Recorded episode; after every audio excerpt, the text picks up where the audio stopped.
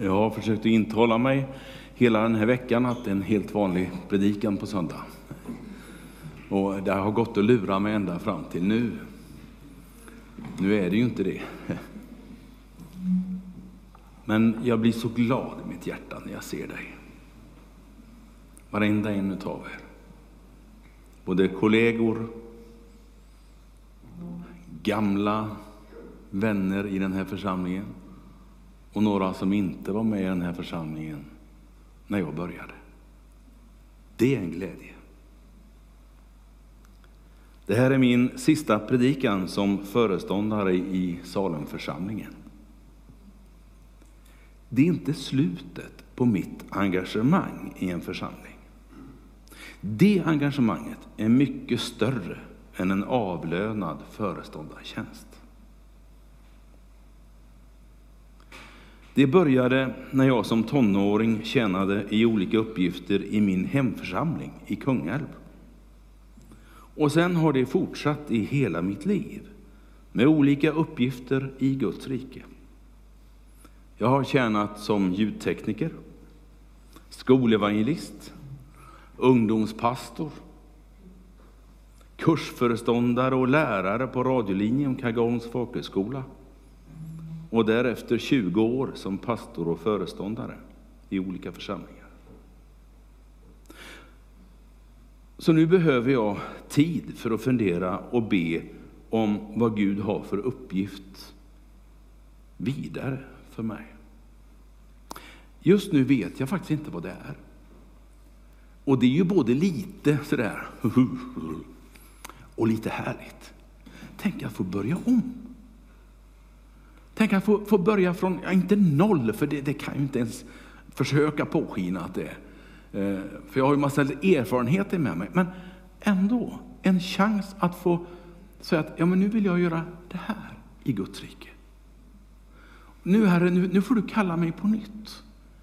Kalla mig inte till föreståndare, för det, det, det, det är passerat. Det ligger där. Kalla mig för någonting som ligger här, framåt. Det ska bli jättespännande att se. Kanske att du får höra talas om vad det blir, jag har ingen aning. Eller också blir det en hemlighet. Jag har ingen aning. Jag vet bara att eh, jag har pratat om gungstolar och annat för att eh, liksom eh, själv tänka mig in i att börja ta det lugnt. Att inte gå hit på tisdag morgon klockan nio och sitta och ha möte med mina kollegor.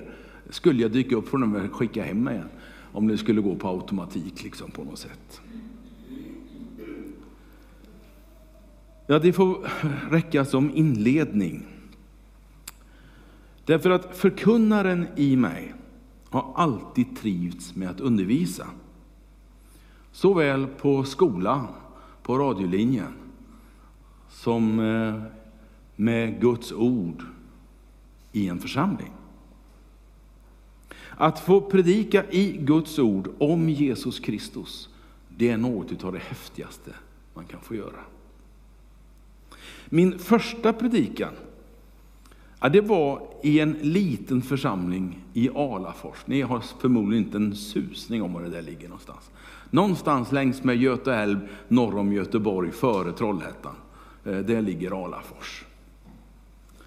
Den handlar om den gode herden från den 23 salmen.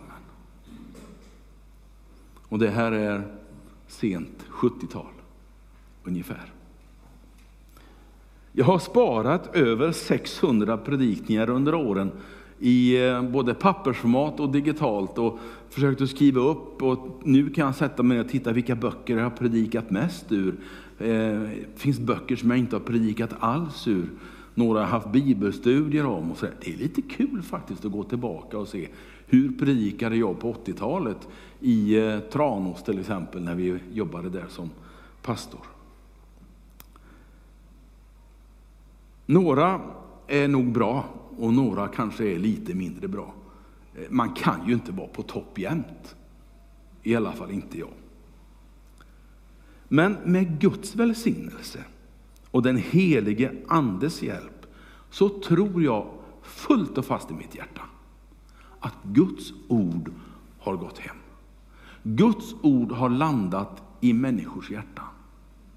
Ibland så att man riktigt tar tag i en. Och ibland så man går och funderar på det ett tag. Och naturligtvis ibland så har man inte en aning om vad han predikade om förra söndagen. Jag har full förståelse för allt det där. Ibland har de kommit fram till mig och sagt att tack så mycket för predikan förra söndagen eller för 14 dagar sedan. Eller vad det nu är. Ja, så någon gång har jag tagit mod till mig och frågat vad var det du tyckte var bra? Ja, det har jag glömt. Och det där hör också till på något sätt. Därför att det är någonting som stannar kvar som kanske inte går att sätta ord på. Någonting av Gud och Guds ord som egentligen inte är hur bokstäverna ser ut, hur orden uttalas, utan någonting som följer med orden in genom öronen och går rakt ner i hjärtat och stannar där. Det är Guds ord mina vänner. Och jag älskar att få förkunna det. De flesta predikotexterna naturligtvis kommer från Nya Testamentet. Men det är ganska många när jag tittar tillbaka som även finns i Gamla Testamentets böcker. Och jag älskar de här berättelserna. De som jag hörde när jag var två år och började i söndagsskolan och inte har en susning om att jag har hört, men jag vet att jag har hört dem. Och ända fram till att jag låg där i tonårsrummet och läste min bibel på kvällarna och somnade och vaknade med näsan mitt i bibeln någonstans. Och så hade jag skrivit några kråkfötter bredvid om vad jag tänkte på, för det skulle man göra. Och jag somnade naturligtvis ifrån alltihop. Men jag tror ändå att det funkade. Det är någonting som har burit med mig. Och Jesus har nog alltid funnits i mina predikningar. Oavsett var texten är hämtad ifrån i Bibeln, så har han funnits där och jag har nog nämnt honom de allra flesta gångerna också. För jag tycker det är så spännande, fortfarande, med Jesus Kristus. Dagens tema det är ingen resumé över mitt liv som förkunnare, utan det ska jag hämta ifrån Kolosserbrevet. Men jag kunde ju inte låta bli att ge lite i alla fall insikt i vad jag har varit med om. Kolosserbrevet 1 och verserna 13 till och med 20. Och om allt fungerar ska det komma upp bakom mig här också så ni kan följa med om ni vill. Och det är Paulus som skriver till den kära församlingen i Kolosse. En församling grundad i en stad som inte alls har med kristen tro att göra egentligen, utan det var en garnisonstad om jag har förstått det hela rätt.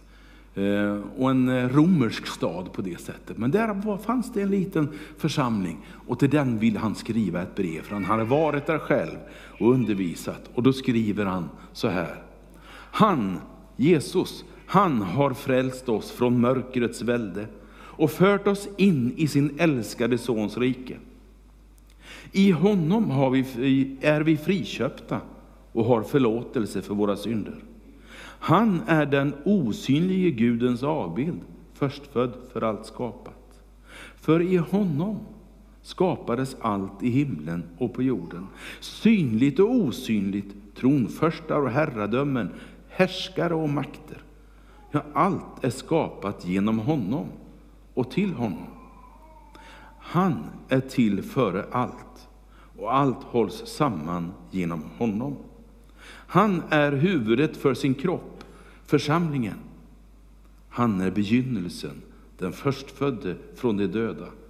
Och han, för att han i allt skulle vara den främste. Gud beslöt att låta hela fullheten bo i honom och genom honom försona allt med sig själv. Sedan han själv, sedan han skapat frid i kraft av blodet på hans kors. Frid genom honom, både på jorden och i himlen. Amen. Jag satt hemma och läste den här texten. Och så ritade jag en röd ring kring alla han och honom på de här stackars verserna. Det är inte många verser, men det är 15 han och honom i de här verserna. Och jag började fundera, betyder det någonting? Menar Paulus någonting med det här? Jag tror att han menar att sätta Jesus i centrum för vännerna i Kolosse. Han tänkte att när ni tänker på mig så ska ni tänka på Jesus. När ni hör mig predika så ska ni höra om Jesus. Det var hans mål. Och till och med har teologerna kallat det här brevet, och gör det fortfarande, för Kristusbrevet. För det är så mycket Jesus i det. Så det går liksom inte att var och varannan rad och mening så kommer han fram på något sätt i Paulus undervisning.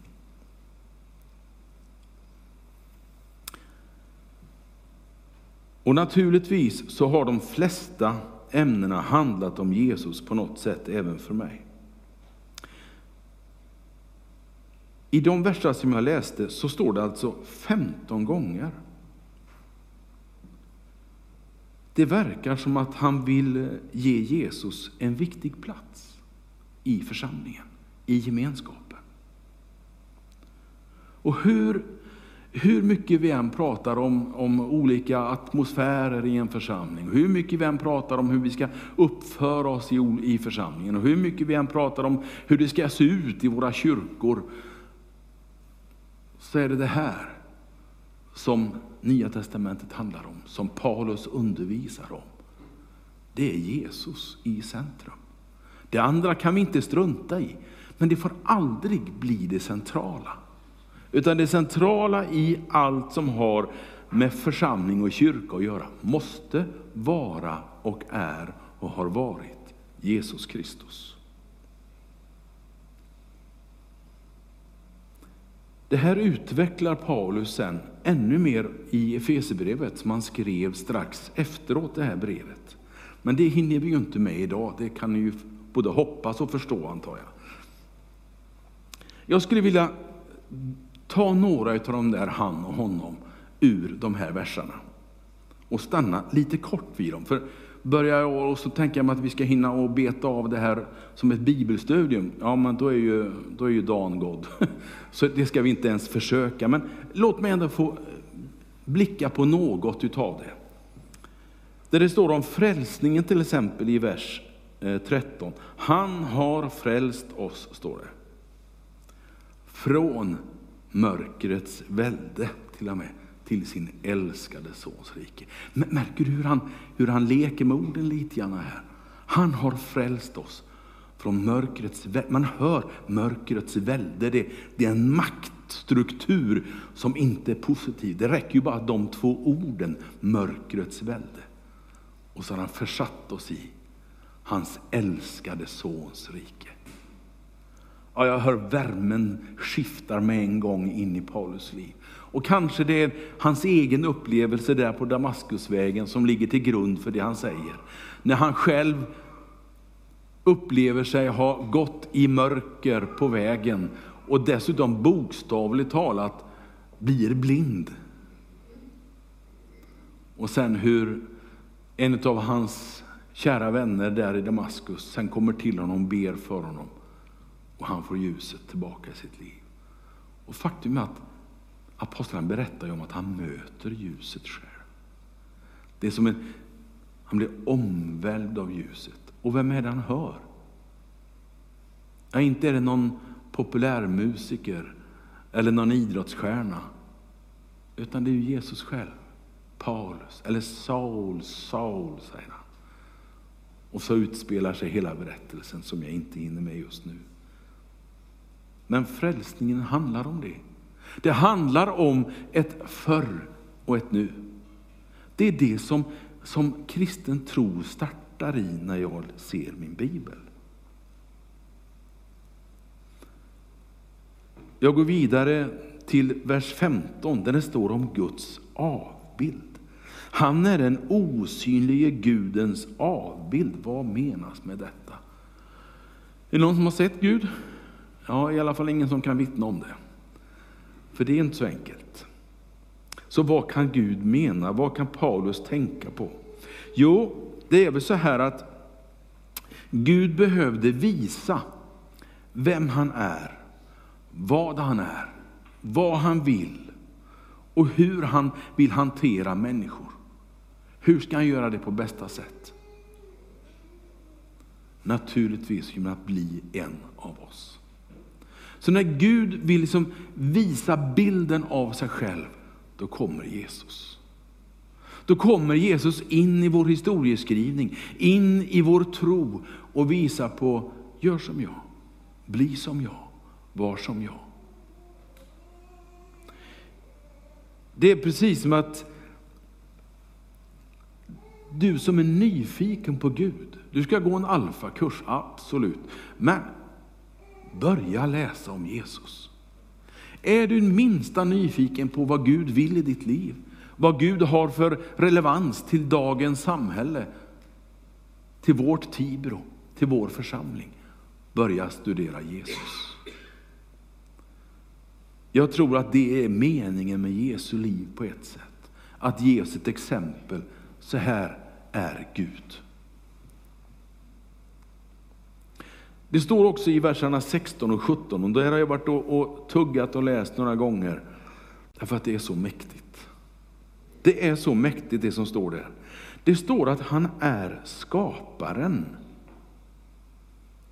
För i honom skapar, alltså det kommer igen på lite olika skrivningar i de här verserna, hur Jesus blir satt före skapelsens begynnelse.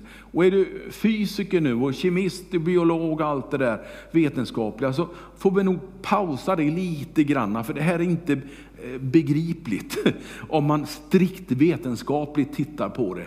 För det går ju inte. Nej, inte för dig och mig. Inte ens för vetenskapen. Men om Gud är Gud så går det. Då kan han. Jag tror att Gud har alltid funnits. Innan vår tideräkning, ja innan före Jesu födelse, innan, du kan säga innan hur lång tid som helst, så tror jag att Gud har alltid funnits. Det finns ingen start på Gud. Det finns inget, inget ögonblick där Gud blir till. Och likadant när tiden en dag tar slut, då står Gud kvar där och fortfarande är Gud. Och det fyller ju mig med lite, lite tröst och glädje. Gud, jag vill vara tillsammans med dig. Jag vill vara tillsammans med dig när tiden slutar att slå, när klockorna slutar att gå. Då vill jag vara hos Gud. Och hur det blir har jag ingen aning om heller. Men det kommer att bli ganska bra, har jag en känsla av. Så välkommen att knalla med mig dit och vara där.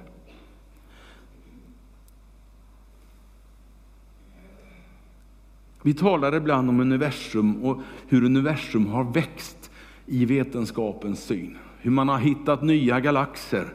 Eh, först så hittade man vår egen galax och insåg storleken på den. Och sen så börjar man hitta nya galaxer. Och så har man hittat ny... Det verkar inte finnas något stopp liksom på det där. Det går inte att förklara hur långt bort galaxerna finns. Det finns saker som inte går att förklara. Och Gud är en av de sakerna. Det går inte att förklara. Men vill du veta mer om honom, studera Jesus Kristus. Det är Guds sätt att visa mänskligheten, sin skapelse, vad han vill och vad han är. Det verkar som att han inte bara är starten på skapelsen, när han liksom skapar det vi känner till. Jesus då, säger du? Nej, han är inte skapad. Han är visserligen född av kvinna, står det. Men det står inte att han skapades där. Utan att han finns före och efter. Det är också han som håller ihop allting. Nu ska ni veta, jag har inte läst mer matematik än jag fick underkänt i högstadiet. Eh, så jag är ingen matematiker, men jag har en son som har läst så mycket matematik det går att göra på KTH. Eh, och jag har pratat lite med honom och jag har pratat med en doktor i matematik om det här också. Det finns ju sådana här långa strängar med matematiska formler som man kan använda i datorns värld och som man kan använda i fysikens värld. Och det är krumelurer och, och, allt möjligt som jag inte begriper. Men det är ett sätt för att göra beräkningar lite fortare. Jag tror att jag har förklarat det något sånär rätt. Och för när jag tänker på det där och ser alla de där stora, långa strängarna och hela, hela liksom, eh, skrivtavlor fulla med konstiga tecken. Då tänker jag, det finns ett tecken i den skrivtavlan, i den formen som säger hur livet ska fungera, som betyder Jesus Kristus. Och utan det tecknet så går det inte att lösa den formen. Det går inte att lösa på ett riktigt och bra sätt hur vi ska leva som människor, hur vi ska ta hand om vår jord, hur vi ska nå till Gud utan att ta med Jesus Kristus i den formen. Och därmed så stannar jag all tanke på matematik. Jag tror jag klarar det. Vi får väl se efteråt, det kommer det säkert någon. Men du, så här är det. Ja, Okej, okay, förlåt i förväg. Jag går vidare istället. Därför att när jag läser i vers 20 om honom, i den sista versen som eh, jag citerade, så står det om honom som försonare och fridsstiftare. Det, det är vackra ord. Fridsstiftare. Jag tror att vi har lyckats lära oss vad frid är, vad fred är, därför att vi lider brist på det just nu. Vi kan inte öppna en tidning, vi kan inte starta ett nyhetsprogram utan att höra om kriget. Som är så nära in på oss så vi vill nästan inte tro det. Men det finns någon som är fridsstiftare. Som har ett uppdrag när han var här på jorden att visa på vad frid är, vad fred är. Och det uppdraget känns det som att han har bollat vidare till dig och mig. Jag begär inte att ni alla ska gå med i FN och bli fredsstiftare och förhandlare, naturligtvis inte. Men jag tänker mig att vi är med i det loppet. Vi är med i den delen där vi vill fred och frid. Och när jag växte upp och en bit efteråt där så var det så att man kom in i en pingstförsamling så hälsade man till och med med frid. Man sa frid syster, sa man, och frid broder. Och man, när man såg någon ute på stan i Kungälv, på torget där vid Domus där det låg, så ropade de frid broder, vad roligt. Och man skämdes ju som tonåring för de här galna äldre. Och nu står man där själv och undrar, undrar vad jag hade gjort. Om inte jag hade gjort det också. Det är någonting vackert över det där när jag ser tillbaka på det, men då ska jag väl erkänna att jag inte riktigt begrep eh, allt vad det betydde. Eh, men försonare då? Ja, men de har med varandra att göra. Försonare och fridstiftare är släkt med varandra. Kanske lite kusiner. Ni vet ju vad kusiner är, för många är kusiner här. Och jag tror att det går inte att få frid utan försoning. Det går inte att få den här varaktiga freden om man inte blir försonad med varandra. För får det ligga och gro ändå, osämja och oförrätter, då kommer det tillbaka. Men får man löst det i sin linda, i sin rotsystem med försoning, så kan problemen som orsakar osämjan bli frid och fred. Och jag vet ingen som har gjort det så grundligt som Jesus Kristus. Han gick till roten på det onda och tog bort makten och möjligheten och så gav han försoning och frid istället. Och det är så starkt, så det första nästan som han gör när han möter lärjungarna efter uppståndelsen, vad är det? Min frid ger jag er. Det är precis som att nu har jag vunnit den. Nu har jag varit död, jag lever och ni får av den frid som jag har vunnit till er. Och den friden, den är helt enkelt ovärderlig. Den är helt fantastisk. Det verkar som att på tre dagar i en påskhelg så förändras förutsättningarna för hela skapelsens frid och försoning. Fortfarande så lever vi i den förväntan, i den förhoppningen och i den tron på försoningen, på friden. Så om du någon gång skulle haspla ur dig när du möter någon med ett frid, jag tror inte det är någon som blir ledsen på dig. Så länge du inte sätter det i system och liksom, ja du vet, det tror jag inte vi vill ha tillbaka. men att få önska frid med någon. Faktum är att jag har mött en del, en del präster i Svenska kyrkan, eh, Sami, eh, som har börjat att hälsa mig med frid. Och då tänker jag, gode Gud, har jag tappat något? Har jag tappat någonting? Det finns någonting vackert i det här nämligen. Jag skulle också vilja titta lite grann, gå tillbaka någon vers till vers 18 och stanna där, avsluta där i den versen. Därför att den versen, den säger så här, och han är huvudet för sin kropp, församlingen. Han är begynnelsen, den förstfödde från de döda, för att han i allt ska vara den främste. Ja, det är många ord. Men jag tror att här står det precis det som Paulus undervisar om också i Korinthierbrevet. Att församlingen är inte en förening. Det är inte en ägare till en byggnad.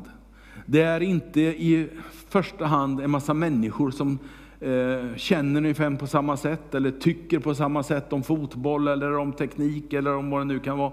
Utan det här är en, en grupp människor som är så olika i förhållande till varandra för det mesta. Men som hålls samman av honom. Han, Jesus Kristus. Tappar vi honom i församlingen, då tappar vi det som håller oss samman. Då tappar vi det där kittet som gör att vi känner gemenskap och glädje med varandra, även om vi inte alltid håller med varandra.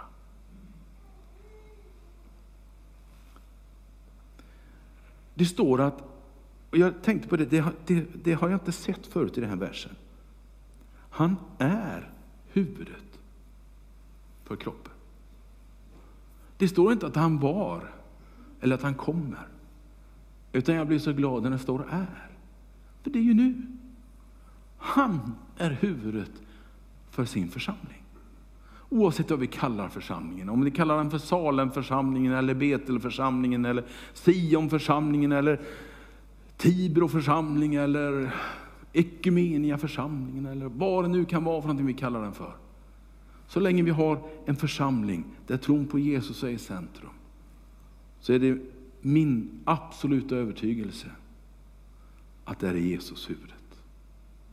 Sen finns det en världsvid församling också, som man också kan säga att han är huvudet för. Även om det ibland kan vara lite knepigt att hitta formerna och gränserna för var den församlingen är och finns, men det gör mig ingenting. Jag får ändå räkna in så många fler i tron på Jesus Kristus. Han är huvudet för församlingen. Det är inte jag som har varit det under de här sex åren.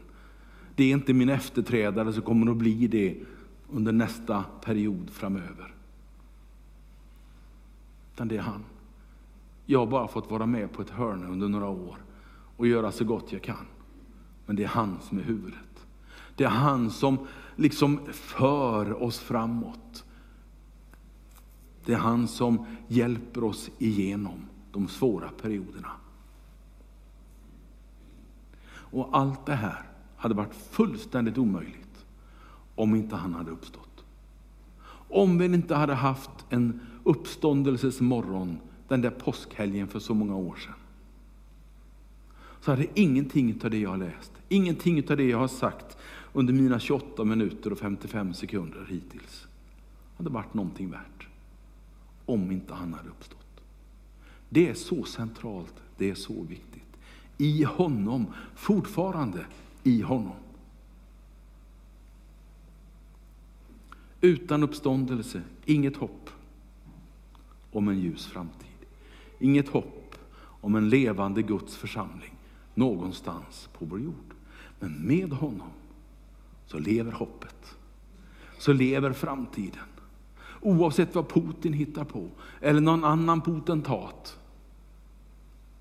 Så länge Jesus är Herre i sin församling, så finns det en framtid för den församlingen. Det finns inget krig som kan sönderslå det, så att det aldrig mer finns där. Under 30 års tid, 40 års tid och ännu mer, så försökte kommunismen krossa församling både i Kina, i Sovjetunionen, Kuba och jag vet inte alla länder som har försökt. Man till och med under min livstid sa i Ryssland, eller i Sovjetunionen då, att Ja, det är, snart så är det slut med, med tron på Jesus Kristus. Den kommer att dö ut. Och det var egentligen Sovjetunionen som dog ut. Tron på Jesus det är starkare än någonsin. Tron på Jesus i Kina det växer så det knakar. Och här i november så kommer Rauli Lehtinen och berätta för oss hur, vilken framgång det är i de här länderna som vi kallar för Östeuropa. Eh, berätta att Jesus går fram och det har ingenting med nederlagen att göra, med det hemska att göra, utan det har med Jesus att göra. Så fortsätt att tro på Jesus, kära församling. Fortsätt att sätta Jesus i centrum. Våga vara lite envetna därvidlag. Våga ha tron på honom som det viktigaste i den här församlingen. Så tror jag på en fin och vacker framtid för den här församlingen. Och jag kommer att få stå lite vid sidan av och titta på ett tag i alla fall. Och vara med och liksom stötta men inte leva mitt i centrum som jag har gjort under några år.